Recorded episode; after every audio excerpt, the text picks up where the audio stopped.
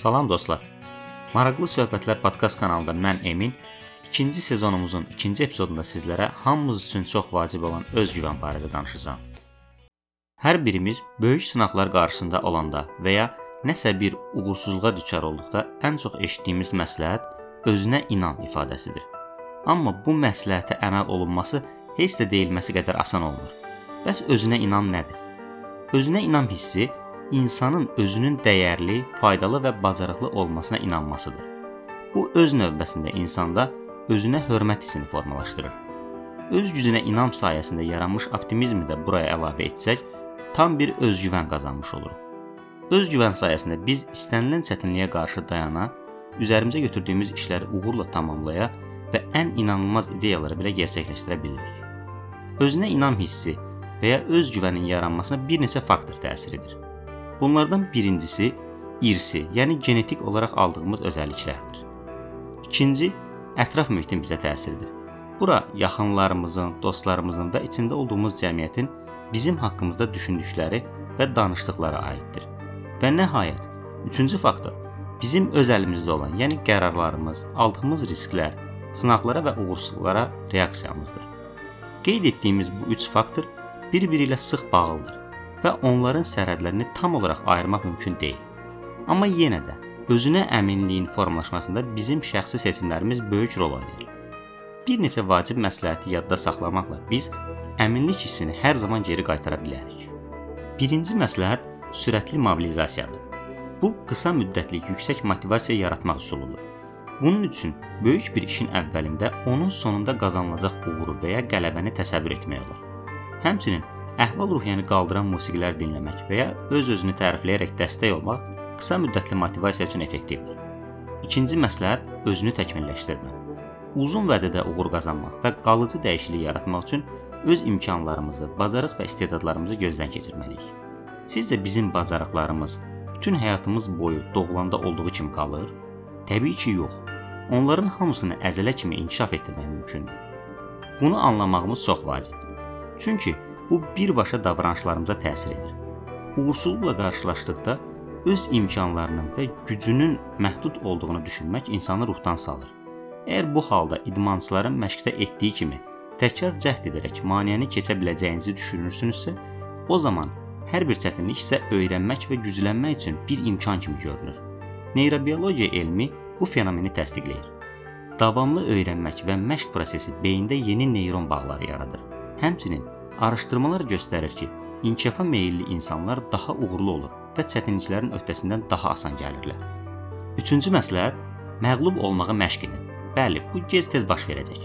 Hamı nə vaxtsa məğlubiyyətlə rastlaşır. John Rowling Harry Potteri nəşr etdirənə qədər 12 nəşriyyatdan rədd cavabı almışdı. Wright qardaşları ilk təyyarəni düzəldənə qədər özlərinin və digərlərinin dəfələrlə uğursuz olmuş uçuş cəhdlərini analiz etmişdilər. Statistikaya əsasən daha çox uğursuzluqlarla rastlaşan insanlar arasında asan təslim olmayanlar daha çox çətinliyin öhdəsindən gəlir və daha konstruktiv olurlar. Onlar bir dəfə məqsədə çatmadıqda fərqli strategiyalarını sınaqdan keçirir, başqalarından məsləhət istəyir və nəticəni əldə edənə qədər davamlı cəhdlər edirlər. Buna görə də çox zaman çətinliklərin, uğursuzluqların və səhvlərin daim olacağını əvvəlcədən qəbul edib özünü buna kökləmək ən doğru seçimdir. Nəticədən asılı olmayaraq İstənilən bir yolun sonunda bunun bir təcrübə olduğunu qəbul etmək və nəticə çıxarmağı bacarmaq özünə inam hissinin başlıca əlamətidir. Lakin bəzən davamlı uğursuzluq, çarəsizlik və baş verənləri dəyişə bilməmək insanlarda ciddi ruh düşkünlüyü və depressiya yaradır ki, nəticədə özünə inam hissi tamamilə itmiş olur. Amma təcrübələr göstərir ki, hətta ən ümidsiz vəziyyətdə olan insanda belə özünə inam hissini geri qaytarmaq mümkündür. Məşhur psixoloq Martin Seligman bunu əvvəlcə itlər, daha sonra isə insanlar üzərində təcrübələr aparmaqla praktiki şəkildə sübut etmişdi. Seligman təcrübəsində itləri 3 qrupa ayırmış, birinci və ikinci qrupların yerləşdiyi qəfəsə zəif elektrik cərəyanı vermişdi. Birinci qrupdakı itlər cərəyanı hiss edərkən burunları ilə düyməyə basmaqla onu söndürə bildikləri halda, ikinci qrupdakı itlər bu imkandan məhrum edilmişdilər. Üçüncü qrup isə yoxlama xarakterli idi və onlara heç bir cərəyan verilmirdi. Daha sonra hər üç qrupu ortasında kiçik baryer olan başqa bir qəfəsə saldılar. Bu qəfəsdə döşəməyə daim elektrik cərəyanı verilirdi və itlər yalnız baryerin üzərindən digər tərəfə tullanmaqla ondan qurtula bilərdilər.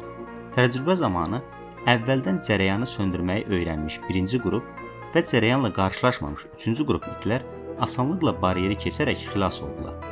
Vəziyyəti dəyişə bilməyəcəyini artıq öyrəşmiş ikinci qrup itlər isə xilas ola bildikləri halda buna heç cəhd də etmədilər. Daha sonra bənzər bir təcrübə insanlarla keçirilmiş, amma orada cərəyan əvəzinə yüksək səs siqnalı istifadə olunmuşdu. İtlərlə təcrübədə olduğu kimi insanlarda da əvvəlcədən çarəsizliyə öyrəşmiş olanlar sonrakı mərhələdə səs siqnalını söndürmək imkanları olsa da bunu etməmişdilər. Martin Seligman bu cür ümidsiz vəziyyətdən çıxış yolunu belə təsvir edirdi. Depressiyada olan insan ya özü, ya da başqalarının köməkliyi ilə bütün həyatı boyu əldə etdiyi uğurlu nəticələri və qələbələri xatırlamalıdır.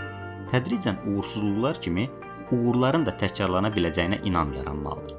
Daha sonra insan uğur qazana biləcəyi ən kiçik işdən başlamalıdır. Bu hətta evi təmizləmək, əşyaları səliqəyə salmaq, onlayn kurs götürərək yeni nəsə öyrənmək belə ola bilər. Əsas olan mərhələli şəkildə effektivliyi artırmaq və əslində fərqli yolları sınamaq və təkrar cəhdlər etməklə uğur qazanmağın mümkünlüyünə inam formalaşdırmaqdır. Bu barədə Martin Seligmanın Learned Optimism kitabında daha ətraflı yazılmışdır. Bir şey yadda saxlamaq lazımdır ki, Optimizm və özünə inam hissi fitri bir istedad deyil. Məqsədyönlü davranış və düzgün yanaşma ilə hər kəs bu özəllikləri əldə edə bilər. Belə dostlar, bu yerə qədər podkastımızı dinlədiyiniz üçün təşəkkürlər.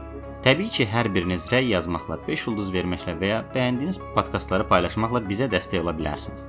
Növbəti podkastlarda görüşmək ümidi ilə. Xudahafiz.